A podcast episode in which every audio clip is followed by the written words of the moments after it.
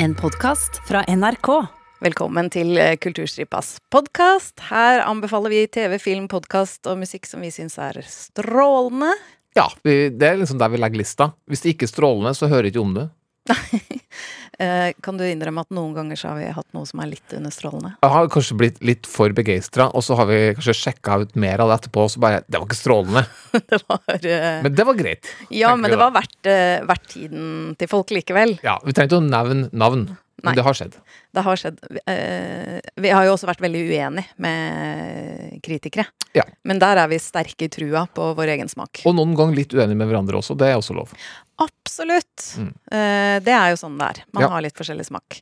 Eh, I dag så blir det film, dokumentar, eh, litt podkast, men vi starter med noe veldig viktig. Ekstrasnakk om TV-serie. Ja. ja. Line of Duty sesong seks eh, er jo ut på NRK TV nå, endelig.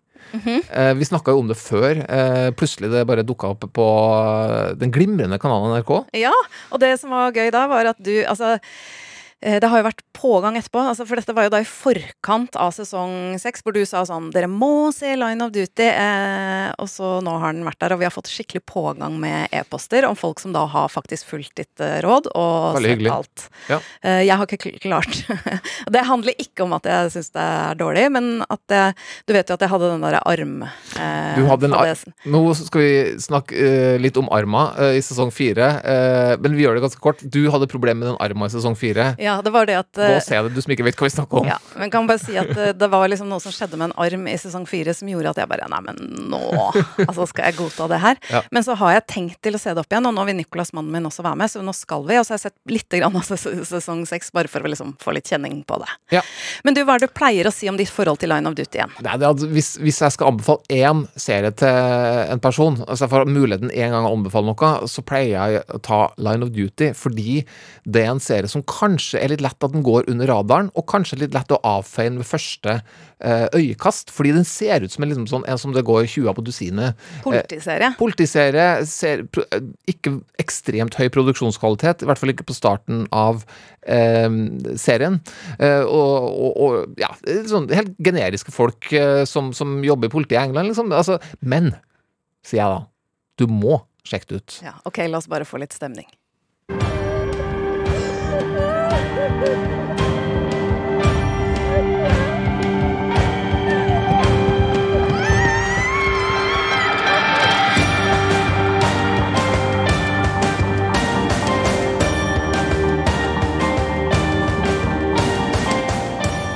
var artig at jeg la på litt, eh, la på litt at jeg plukka fra en episode hvor det er litt desperate hyl fra skuespiller Kelly MacDonald. Ja, ja, ja. På den her musikken. Altså, den musikken her gir meg fortsatt litt sånn frysninger. For hver gang du hører denne musikken, så er vi i klimakset i episoden. Det er veldig gode cliffhangere i Line of Duty, og alltid til denne musikken. Det skjer noe dramatisk, og vi hører musikken her. Jeg ble så veldig glad for at eh, Kelly MacDonald var med i sesong seks, for hun er, seks, for hun er en av mine favorittskuespillere. Altså, det nydelige alvoret i fjeset, Mm. engstelsen, også noe litt sånn artig. The accent. And the accent, Ja, ja, ja. den dialekta, den skotske. Fantastisk skotske dialekt på Kelly MacDonald, ja. Ja, men du, eh, eh, jeg må bare, før vi liksom går til liksom sesong seks, hva slags oppmerksomhet har serien fått i England? Eh, En helt enorm har satt da, eh, tror jeg. Og sånn, eh, da sesongen her spilte i England, så var det jo nasjonale nyheter etter hver episode. Som, hvordan det lå an, det var overskrifter i avisene. Helt tilbake til liksom at folk snakka om gårsdagens episode på butikken og sånn. Fremmede.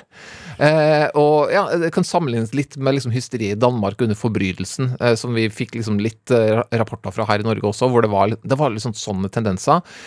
Sånne tendenser var det nå da i vår i, i England, da Line of Duty sesong seks gikk, og folk kanskje skulle få de svarene vi har venta på i ja, nesten ti år. Ja, og så er det jo det at de, de de er jo veldig mye flere mennesker enn oss og Danmark og sånn. Jeg, jeg så et eller annet sted at det var 27,3 millioner avspillinger eh, i BBC spiller Som på er, Line of Duty. ja, og da det er spilleren, da, da har også folk, noen, noen folk sett det mens det gikk på TV. Så ja, det er høye tall. Høye tall. Ok, vi tar utgangspunktet. Eh, korrupsjonsjegere, politi som tar bent coppers, altså politiet, de i politiet som er korrupt, korrupte som mangler integritet og gjør ting eh, for egen vinning, kanskje, i stedet for å følge loven. Altså, hvem er det vi har fulgt, liksom? Ted, Kate og Steve. Um, og det er da uh, Hver sesong har en egen uh, historielinje, hvor du liksom Et spennende krimutgangspunkt uh, som utvikles. Det får et klimaks og en slags avslutning, men det er de lange linjene hvor liksom, du finner gullet i Line of Duty. Så vi følger da den fiktive avdelinga AC12 antikorrupsjonsenheten i politiet, som i hver sesong blir hekta på en sånn pågående politietterforskning hvor det er mistanke om at det foregår noe korrupsjon innad i politiet. At det er noen bent coppers som, eh, som, som er på den etterforskninga. Og da er da Ted, Kate og Steve som jobber i denne AC12. Og det er tre generiske politifolk som uh, Helt generiske navn. Ted, Kate og Steve. Liksom. Det, hvis du skulle finne på ett engelsk navn, Steve, og han ser ut som en Steve, ja. og alle han ser ut som en Kate og en Ted Normalt uh, pene folk. Ikke noe sånn Hollywood-aktig styling her. Her er det folk som har møtt opp på jobb og har litt sånn problemer på privaten også, selvfølgelig. Litt sånn småting som dukker opp i ny og ne. Men det er ikke en ekstremt sånn Du hekter deg på personene som du gjør i kanskje andre serier. Det er jo handlingsdrevet, selv om du vokser jo litt med de her folkene. Særlig vi som har fulgt serien eh, fra starten. Eh, men så er jo da det jeg sier litt om de her lange linjene, det er jo at etter hvert så fucker de jo noen av de fæle bent coppers, altså noen av de korrupte, men det danner seg mer et sånt eh, Du aner at det ligger større, en større organisasjon bak det hele, eh, og at eh, det, er mye mer satt i system, det her korrupsjonen, og koblinga til organisert kriminalitet. Og da Det vi i hvert fall har lurt på før sesong seks starta, er hvem er den fæle H? Det er én person som ikke er tatt, som sikkert nøster i trådene, som bare vi vet har noe med bokstaven H å gjøre. Mm. Ja. Eh, og i sesong seks så, så, så, står uh, mordet på en gravende journalist uløst. Mm. Uh, kan du si litt til før vi liksom setter inn spoiler-alerten? Um, ja, altså det, det er liksom uh, Som jeg sa, altså hver sesong har én sånn historielinje som, som, du følger, som har en etterforskning, og det, det er det som skjer i, i sesong seks. Men eh, for, for, dem som har fulgt det fra starten, altså som meg, da, som har levd gjennom Line of Duty, så er det mye mer sånn Ok, litt synd med den uh, journalisten som ikke har funnet ut hvem som var ordren på. Bryr meg ikke mest om det, jeg bryr meg mest om hvem er, hvem er H. Eh, hvem er den store fyren. Fordi du, du, har jo sett det litt mer komprimert, eh, Line of Duty, og dere som har eh, tatt tipset og sett det på grunn pga. at vi har tipsa om det og sånn, dere har sett det her kanskje på en måned bare, eller noe sånt. Men så har jeg jo sett det her over ti år, og har levd serien. Så liksom, eh, da jeg så første sesong, så var det sånn OK, det var en bra krim, liksom, men uh, ikke noe sånn. Ikke noe veldig mye mer enn det. Men så går det to år av mitt liv, og så går det to år av deres liv. Så har jeg vokst litt, og dem har vokst litt, og så er vi en ny, ny sesong, og så går det et enda to år, videre. Det gir noe spesielt, da. Ja. Altså, det, det, skjer noe i de to årene hvor det er av, som Jeg vet ikke hvorfor, men det blir bare enda mer magisk for meg når det er tilbake igjen. Um, og så er det jo, Da glemmer jo jeg av, fordi liksom, hvis jeg så en person i sesong én som dukker opp i sesong seks og sånn igjen, det skjer faktisk, oi. som har en eh, viktig rolle, så er så, da er jo Oi, den personen har sett på ni år, skjønner du. Men så nå når ser jeg det opp igjen, så, litt sånn som du gjør med, med, din partner, så gjør jeg det med, med kona også ser det litt mer komprimert nå, og da ser jeg mye mer. Da ser jeg jo linjene. Så du som ser det komprimert, du får noe, men vi som har levd det, vi får nesten enda mer. Ok, ja ja, men sånn er livet. Altså, sånn er livet, herlighet. Vi, vi, vi, vi, vi krangler ikke på livet, vi. Nei, det er ikke alle vi som da kan leve det på samme måten. Selvfølgelig kan vi jo spre ut sesongene med året Ikke gjør det, altså. Nei, det, det klarer ikke du. Ja. Vi har jo fått uh, oppfordring om å rett og slett snakke litt om uh, hva vi syns om avslutninga på hele greia. Ja. Men du, før vi gjør det, så lurte jeg bare på en liten ting, fordi at jeg skal bare sjekke. Um, Jed, are you there? Hi, yes, this is Jed. Dette her er Jed Mercurio, som har lagd serieskaperen av What? Line of Duty. Jed, we're so happy you could join us. This is a total surprise for Torkil. Wow, Jed Mercurio, I'm, I'm probably your biggest fan. Oh, that's very kind of you to say. It's a real pleasure to speak to you today. and I'm, I'm, a bit put out of this but because of this, as you as you probably uh, can tell. But uh, yeah. you, you, you hid this from me. Yeah, I did because uh, I know how you're such a a great fan of uh, Line of Duty and how this has played out. You just told us how it's played out in your life for so many years, and and Jed, I was just um, thinking maybe you can grab a cup of coffee and and Torkil can just like get his things together and he could come up with the questions he, he wants to ask you. Is that okay? Sure. Yeah, of course it is. Yeah. Wonderful. Talk to you in a few seconds or minutes, okay? Okay. Okay. Wow. Ok, Torkil. Eh, jeg vet at eh, overraskelser på radio kan være Altså, jeg hadde nå så hjertebank at Ja. jeg liksom Jeg var så redd at vi ikke skulle få til det her. At jeg liksom Jeg hørte på deg, smilte, og inni meg tenkte jeg bare Herregud, nå veit jeg ikke om Jed er der eller ikke. Men jeg, du vet jo hvordan jeg har skrytt da at jeg kjenner Jed Mercurio. Ja, du har jo intervjua han før. Ja, det er det. Ja. Så jeg ble kjent, og så tenkte jeg at nå skal jeg bare gripe sjansen, og nå skulle du få lov til å spørre de spørsmålene som du vil. Så ok, nå tar vi bare litt uh, pause her. Så skal du få lov til å se på dette, og så skal du få tenke litt på det. Hei, Jed! Hi. This Hi. is Mona and Torkil again. Hi. Good morning to you both. Good morning to Thanks you. you. How are you? Yeah, I'm good. I'm good. Thank you. Uh, Torkil is now ready to do an interview, so he'll start with the, doing the questions. Yeah, Okay, great. Sure. Uh, let's start from the big beginning because six seasons about bent coppers and uh, the uh, AC12. Uh, where where did that idea come from? I, I wanted to write a show about the police as an institution and wanted to come at it differently rather than just cops and robbers, police chasing criminals. I wanted to find a way to look at how the police function as an element of society, as one of our most important public services. And um, I kind of looked at ways in which we could deal with when the police get things wrong and, and how uh, they deal with that. And so that's where the idea came from of um, an anti-corruption unit. AC12 is fictional, but real police forces do have anti-corruption units, and we based the, the show around that basic principle. Yeah. Um, and then uh, it, it seems so accurate and and um, uh, yeah, uh, it comes across as um, uh, something with, that we can actually believe happens in, in the real life. So so in what way are you inspired by real events and and actual uh, police corruption? Well, the, the thing that inspired the first season, uh, although it didn't really feature very much, was a shooting that took place in London in uh, 2005 when an innocent man was shot dead by the Metropolitan Police in a counter-terrorism operation where he um, it was a, case of mistaken identity. And afterwards, there was a lot of controversy about the way the police behaved and attempted to say that, the man had be, been behaving in, in a criminal way, a suspicious way, um, and they had no choice, and so on. And so it, it, it kind of felt like the there was something interesting there, but also there are lots of cases that uh, historically uh, and in, in the present day Um, of corruption. Uh, Jed, if I may, uh, because there's a reference to the Daniel Morgan case in your last Oh, yeah. in your last season, which I picked up on because I've heard a podcast about it. And um, um, is is that and and um, and, and uh, uh, if I recall correctly, uh, in that uh, podcast there is uh, something about um, the South London police and and perhaps uh, some corruption going on there. Um, were you inspired by those events as well, and and why did you reference an, an actual podcast? That's a great question. The, the answer is I wasn't influenced by that because I, I found out about it after we'd started working on Line of Duty.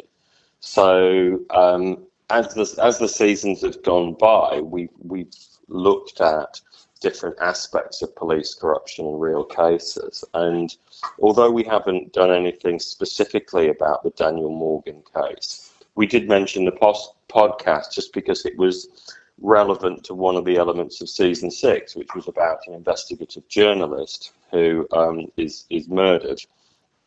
And it felt like there were parallels with Daniel Morgan, who was a private investigator, who was also um, looking into police corruption. Yeah. Um, and uh, with all your twists and cliffhangers, uh, what has been your personal favorite to write of all those? That's a really good question. It's hard to pick one out, but the one that's probably the most significant um, in terms of the success of the the series is uh, towards the end of the first episode of season two when Georgia is thrown out of the window. Yeah. Um, the reason I say that is because um, season one was was a hit, and when season two started, people weren't expecting the show to come back, and they weren't sure what kind of show it was going to be with without Lenny James, and that created great word of mouth, and so people started watching the show, um, and and it gave us the the the audience that we've been able to to build ever since. And and I can testify that you you broke you broke the rules in a good way because I I just I recently saw that episode with my wife and she she she expelled. No, he can't do that. It's not impossible. It's not allowed. Do you have a favorite, uh, Torkil, like a favorite cliffhanger or, or uh, well, twist? twist, uh, in regards to twists, it's it's not uh, turn out not being an actual twist, but uh, I I was very much intrigued by uh, the hints that uh, our friend uh, Ted uh, might uh, have something. Uh, bad in his uh, locker, uh, so to say. So um, that very much uh, because I've invested so much in, in his character, uh, thinking that he might have something to do with the um, organized crime was uh, very intriguing, and I, and I, I, I'm um, struggling to to find if if I actually wanted him to do uh, to have been uh, a bad guy because uh, I, I like the the character Ted Hastings so much that uh, obviously I, I want him to to always have been this nice guy, but there was something about the drama and the thrill of uh, the possibility that I uh, enjoyed. Uh, so so uh, I liked I liked the possibility that you that you laid out there. Yeah. Jed Mercurio, I, I don't think most Norwegians know your background. Could you tell the story of uh, how you got started making TV? Yeah, I was incredibly fortunate because I had no plans uh, or skills relevant to working in TV. Uh, I went to medical school and uh, I was working as a hospital doctor, and um, I'd been uh, sponsored by the Royal Air Force as well, and I, I was hoping to work in aviation medicine.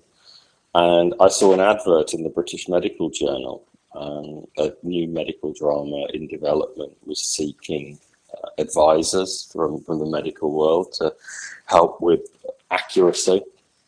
And I, I responded to the ad because I watched a lot of TV medical drama in the UK and thought it didn't represent what life was really like in our National Health Service in the 90s. And so that was just the start of a conversation that ended up leading to me uh, writing an outline of, of, an episode, and then they gave me the opportunity to write a script. Yeah. And what what did you bring from being a doctor and a pilot into into the TV world, or when you have been writing scripts scripts ever since? Uh, well, initially it was that I was writing about the medical world that I knew. I, I was writing about junior hospital doctors who were the kind of age that I was and doing the job that I was. So it was that classic thing that they say to writers uh, write about what you know.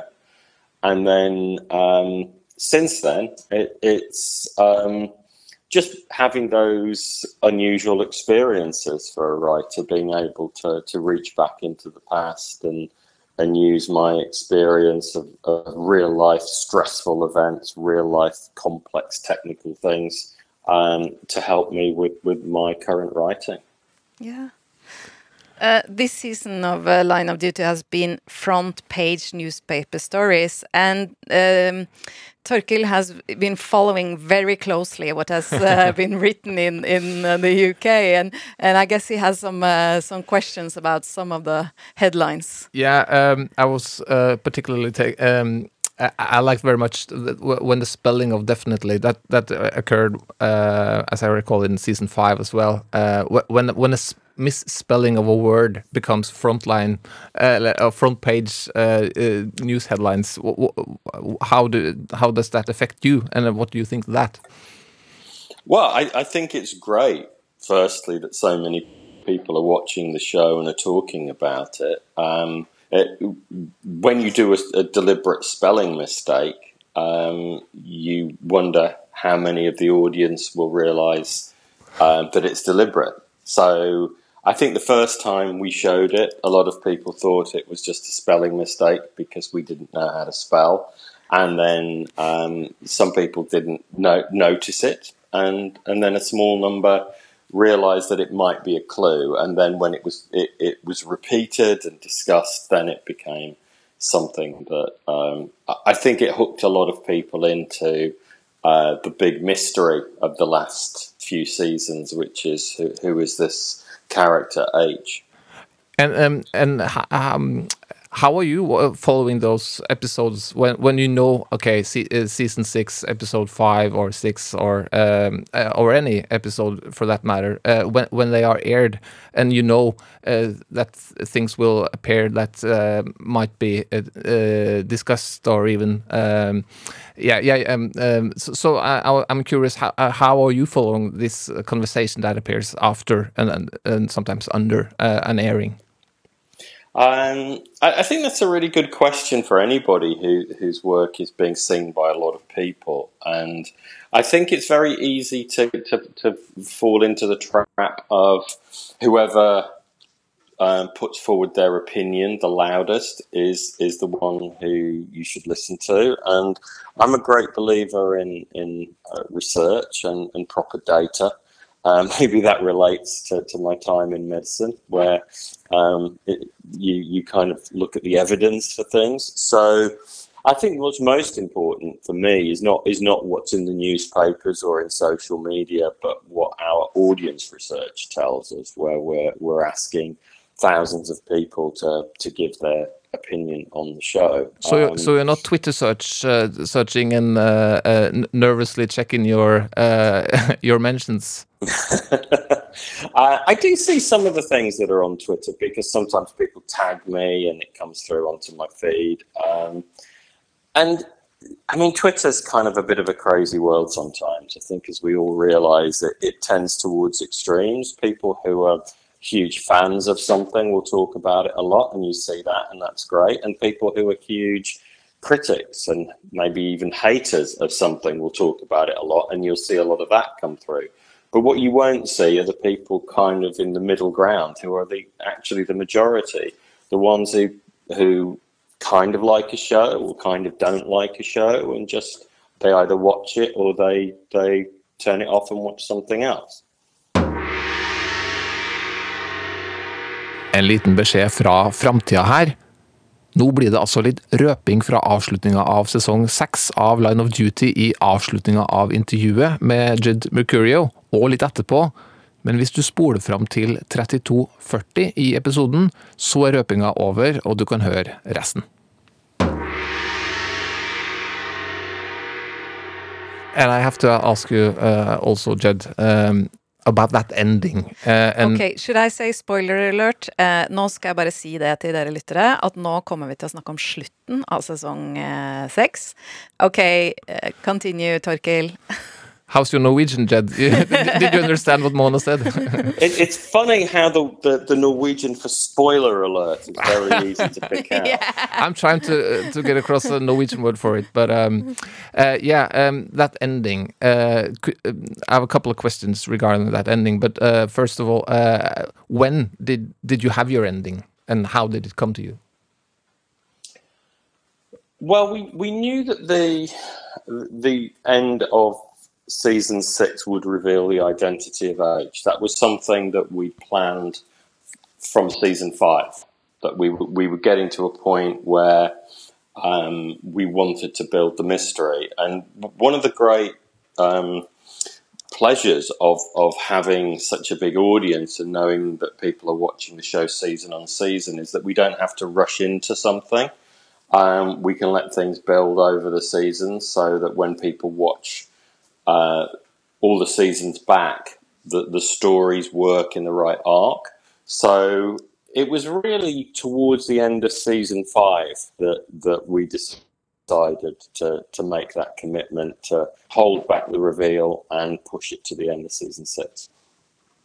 Yeah, and, I'm noticing you're you're uh, you're not talking about the end of the series. You're talking about end of season six, and I'm and I'm taking that as a good sign. Uh, that it might be more seasons, but um, uh, and so and and Mr. Buckles.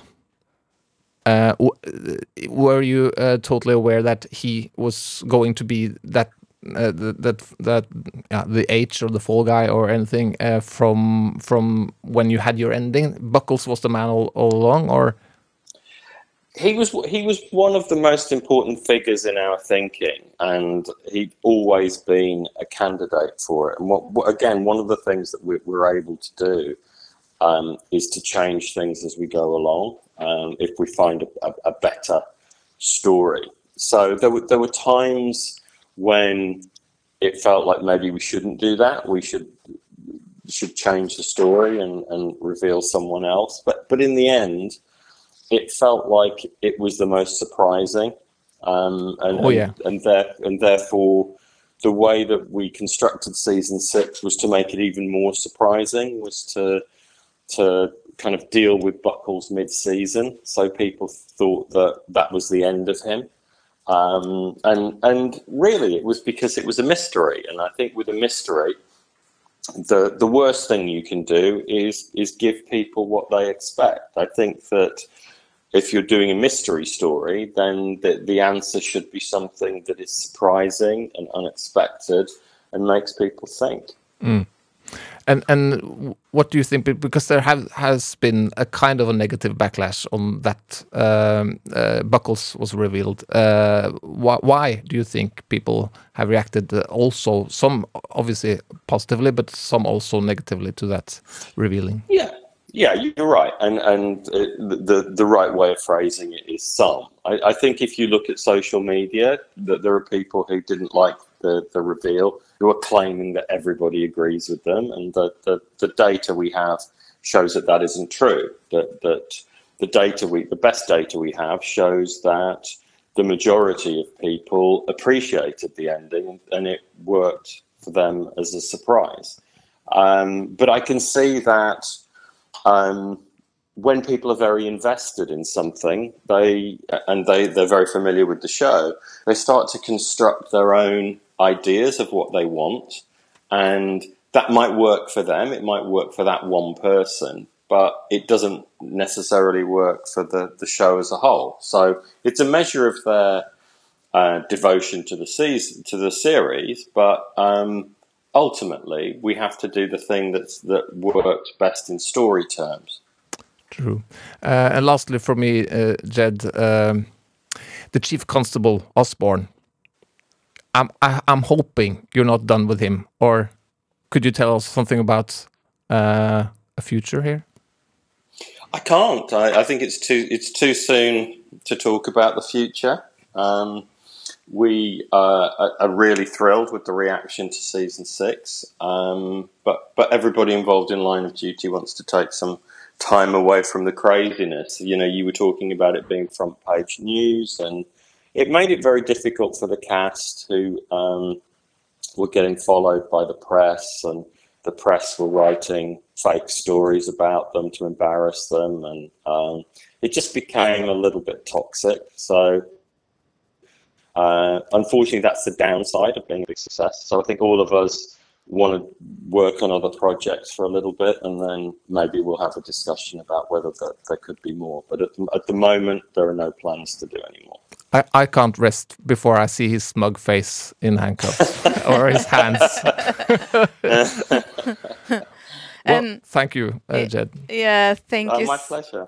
Thank you so much, uh, Jed. And I know that Torkil and thousands and thousands and thousands of people are so happy that you've made Line of Duty. And um, yeah, thank you for joining us uh, Oh, thank today.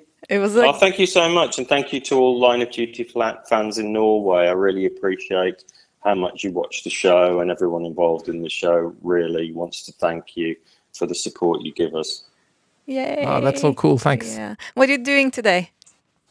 Uh, I'm I'm actually shooting. We're shooting a new a, a new show with Vicky McClure.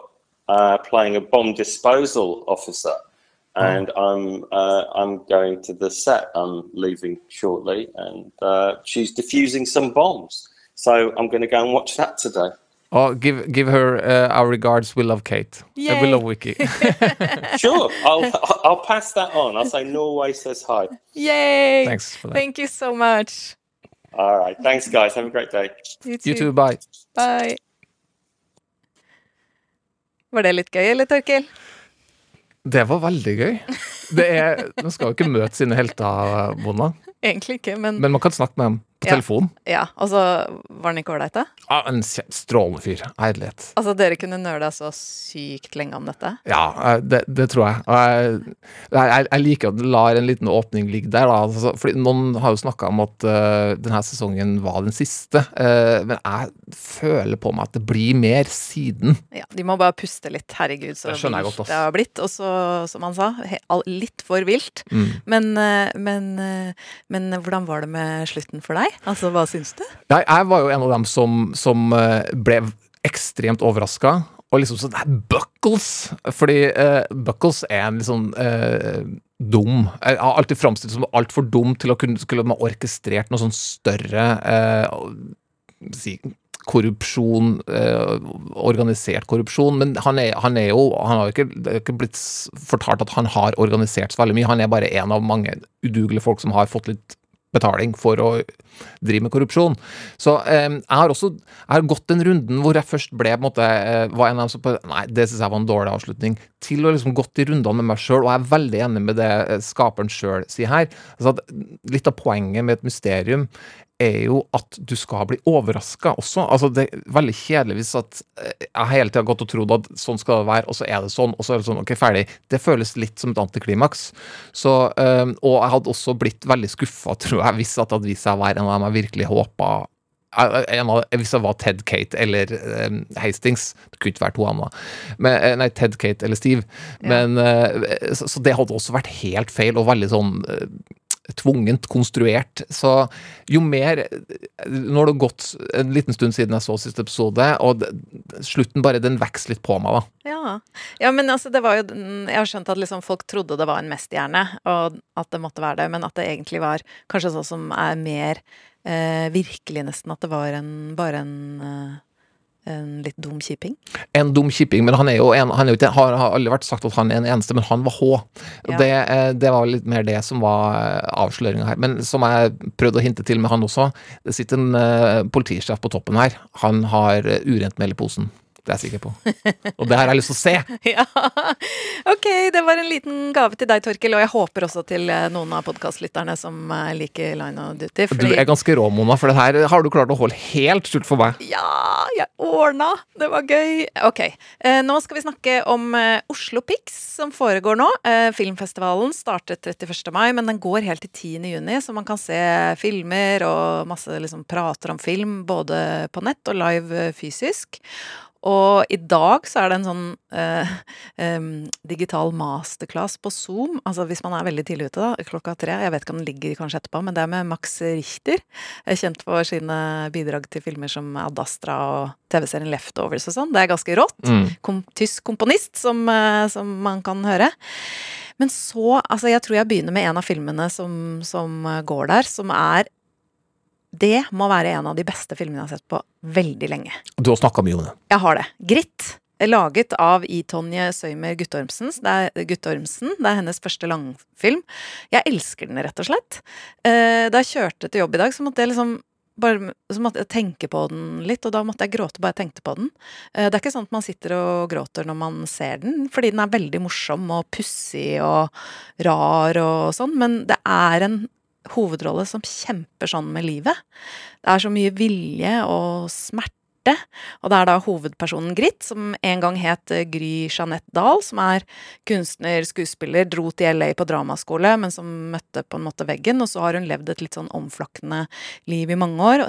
Eh, Så kommer hun tilbake til Oslo, og da er jo mange av hennes venner etablerte i liksom teaterscenen i Oslo og Norge og sånn.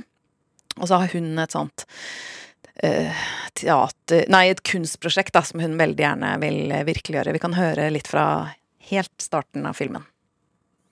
Um, jeg jobber med en idé da, som eh, handler om å det, eh, det er en slags kollasj hvor jeg går inn i forskjellige roller. som er litt sånn som Orlando, hvis du har sett den filmen til Swinton. Men i alle fall, det handler på en måte om å på en måte prøve å bryte løs de rollene man går inn i og lar seg fange av. Spesielt som kvinne, egentlig. Og liksom for, eh, Det er et slags ritual. Så man går inn i de, så renser man seg fra de, og så transcenderer man opp på et høyere nivå hvor man, hvor man får større frihet og ikke trenger å være så fanga av de stereotypene. da. Mm.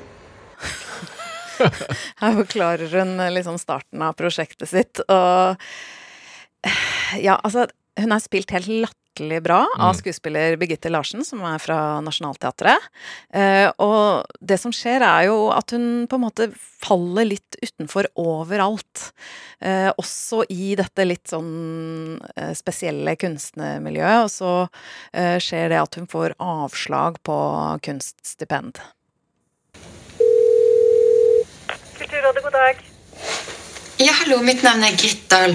Um, jeg har inne en eh, søknad til scenekunstprosjekt scenekunstprosjektet eh, Den hvite betennelse. Jeg bare lurer på om det er mulig å få en begrunnelse for avslag. Tenker du å klage? Nei, en begrunnelse. Ja, det er mulig, men da må du sende inn en søknad, tror jeg. Hva var navnet ditt, sa du? Um, Gry Jeanette Dahl. Dahl Å oh, ja, men det er ikke noe avslag her. Hva? Søknaden er avvist. Hæ? Skal vi se Jeg ser på CV-en din her nå. Eh, formell utdannelse er jo ikke et krav, men da må det kompenseres med tilstrekkelig erfaring med egen produksjon. Mm. Men uh, Unnskyld, jeg må bare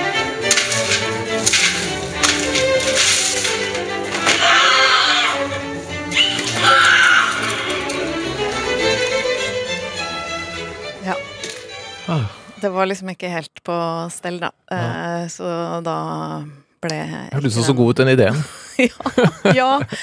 Altså, Grits situasjon blir jo mer og mer desperat fordi hun mister leiligheten hun har lånt, så hun må liksom rundt med kofferten sin fra sted til sted.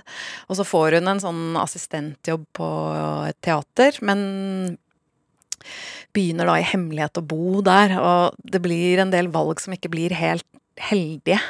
Og hun er på en måte i denne kunsten også liksom det er liksom noe veldig godt og noe veldig fint, men roter hun seg kanskje litt bort i liksom i ideen. Og det er altså morsomt og smart og følsomt, og sånn at jeg fortsatt tenker på den og gleder meg til å se den igjen, for det skal jeg. Fordi ja. regissør i Tonje Storme Guttormsen, hun kommer til Kulturskipa på tirsdag. Ja, vi må jo snakke mer om denne filmen igjen, sikkert. Altså, den kommer på kino 18. juni, eh, så det er bare å krysse ut i kalenderen eh, da. Ja, ja, ja. ja. Men uh, Torkel, uh, det er en dokumentar som jeg vet man kan se uh, digitalt, ikke sant? På Oslo Pix, som du vil anbefale? Det kan jo, Den her kan ses for deg som er så heldig å bo et sted. Altså, det blir jo da fysisk i Oslo, så kan du se en fysisk også, og da er det Q&As med regissør Emil Trier. Og også produsenten, men Trust Me kan også ses på Oslo Pix digital, som du finner på Oslo Pix sine hjemmesider. Det er da en dokumentar om Valed Ahmed. Eh, kjent fra svindla som eh, Justin Bieber-konsertrettigheter. Det svindla han eh, sa at han hadde. Fikk noen millioner da. Og også sånn der iPhone-deksel med solcellelading som han eh, kom til banen med. Ung eh, gründer og hadde, kunne liksom Jeg kan lade opp telefonen din bare med å legge den under lampa på kontoret ditt. Det er helt rått. Bare svindling. Ja. Trond Giske var helt vill på det. Uh, og ja, Innovation Norge osv. Millionene hagla, og godordene uh, hagla. Alt var bare løgn. Bare tull og tøys. Og han havna jo i fengsel eh, for det her Justin Bieber-greiene i USA. Sittet nå da nesten ti år. Eh, men Emil Trier eh, i denne filmen har snakka med utrolig mange rundt Valed Ahmed, og også Valed Ahmed er også da med i filmen, eh, men bare via telefon. Utrolig interessant portrett av en svindler. vi kan høre et lite klipp av folk som snakker om hva de tror kommer til å skje med eller som, har noen sånne synspunkter på personen. Ingen noen gang jeg hadde grunn til å tro at han sto og jugde meg midt oppi trynet. Hyggelig gutt, rett og slett. Var det, altså. Midtpunkt. Eh, kjendis. Jeg tror han gjør alt som han har i sin makt da, til å, til å bli verdenskjent.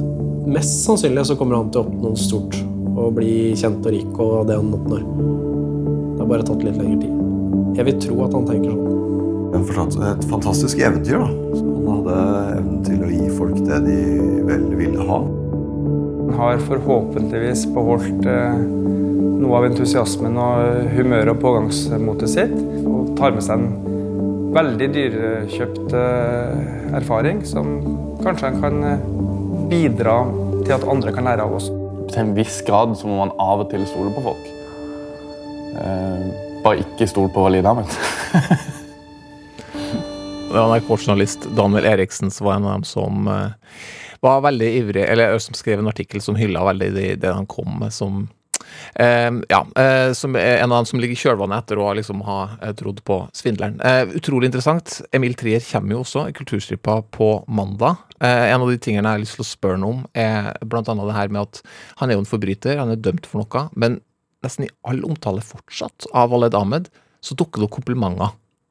Hva er det som skiller hans forbrytelser mot andre eh, forbrytelser? Så det er Utrolig interessant. Eh, og ja, eh, det er en veldig severdig film som du som burde få med deg. Ja. Oslo Pix eh, på nett, eller fysisk hvis man er i Oslo. Eh, helt fram til 10. juni, og masse filmer. Ja, det er et veldig sterkt internasjonalt program. Ja, mm. Ja, veldig mye bra. Eh, så anbefales på det varmeste. Og så var det jo jeg som sa at jeg skulle anbefale en podkast. Nå hadde jeg jo noe lureri på gang, så det ble ikke sånn veldig. Men det var egentlig veldig flaks, fordi det viser seg at den podkasten som jeg likte så veldig godt, den var fra 2019 på The Daily. Men den har Ja. kommet ut. The Jungle Prince har kommet ut i nytt format, sånn at jeg trodde det var nytt, men jeg hadde jo ikke hørt den før. Nytt for dine ører, da. Ja, og jeg anbefaler den faktisk veldig, skrevet av journalist Ellen Berry, eh, som ble nominert til Pulitzer Prize eh, i 2020 for den. Um, The Jungle Prince eh, handler om en kongelig familie som bor i et eh, palass i jungelen utenfor Delhi i India. Every morning, when I drop my kids off at school, I drove past a narrow road that led into a forest. It was said that deep in that forest, in a palace cut off from the world, lived a prince and a princess, the last surviving members of a Muslim royal family. Few people had actually seen them, but everyone knew the story. It was like a story being born in front of your eyes, and a story that could easily be fiction. I don't think I will ever hear of such a story in my lifetime again. They were kind of semi-mythical figures themselves. They turned into almost figures from an Indian epic. And once we were just going for a walk in the forest, and he said, "Oh, have you heard about this prince who lived in these ruins of the forest?" It was all so, so bizarre. It was more. Their story was passed between tea sellers and rickshaw drivers and shopkeepers in Old Delhi. But how could there be a king in the jungle? There were different versions of this story depending on who you spoke to. Ja, så det er en eh, historie som alle på en måte forteller i Delhi, eh, og da har det bodd dette tidligere kongefamilien som da har vært de siste sjiamuslimske kongelige, men som på et tidspunkt blir fratatt sin makt og anerkjennelse. Eh, det handler vel om da britene tar over. Og så, eh, så ruller da Ellen Berry opp den historien. Høres helt utrolig ut. Ja, og det er en virkelig sånn, det er en personlig tragedie. Viktig historie, for den sier jo også noe sånn politisk og hva som har skjedd, og som på en måte vi ikke, eller i hvert fall jeg ikke kan og ikke skjønner skjønne konsekvensen av liksom, historien. Og så er det snurrig og rart som et eventyr med veldige twister. Og det blir en TV-serie på Amazon Prime laget av de som lagde Tsjernobyl. Ok. Ja, så Ja. dette er en historie som man skjønner at å ja, her er det såpass mye i Ja. at man kan lage en, en TV-serie også. Men men, eh, er det sånn, burde man da, eh, hvis du er interessert i TV-serien, ville skade og liksom ha hørt uh, Jungle Prince først, eller hva ville ja, det Å ja. Ja, det, det, det tror jeg jo. Altså. Ja. Ja, det tror jeg jo. Så da må man nesten velge. Mm. Liker man eh, å lytte? Eller Jeg liker begge deler, Mona. Nå ble jeg litt- i tvil ja, men dette Jeg vet ikke. Jeg kommer til å se den uansett. Jeg tror Ja. at det går an å gjøre begge deler. The Jungle Prince av New York Times, podkast der du laster ned dine podkaster. Ja, i dag får vi besøk av Behari som skal spille live i Kulturstripa. Det er fredag, og da har vi livemusikk. Og jeg syns han lager så veldig fin eh, Veldig fin musikk, så jeg tenkte vi skulle bare avslutte med litt av Want You Let Me Go. Darling, won't you let me go? I don't need you anymore. Turn my sorrows away. I don't need you here to stay.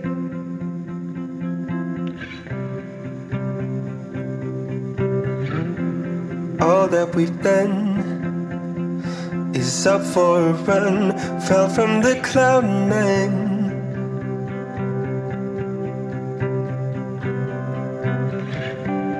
I can't recall when we had a fall, we had it all.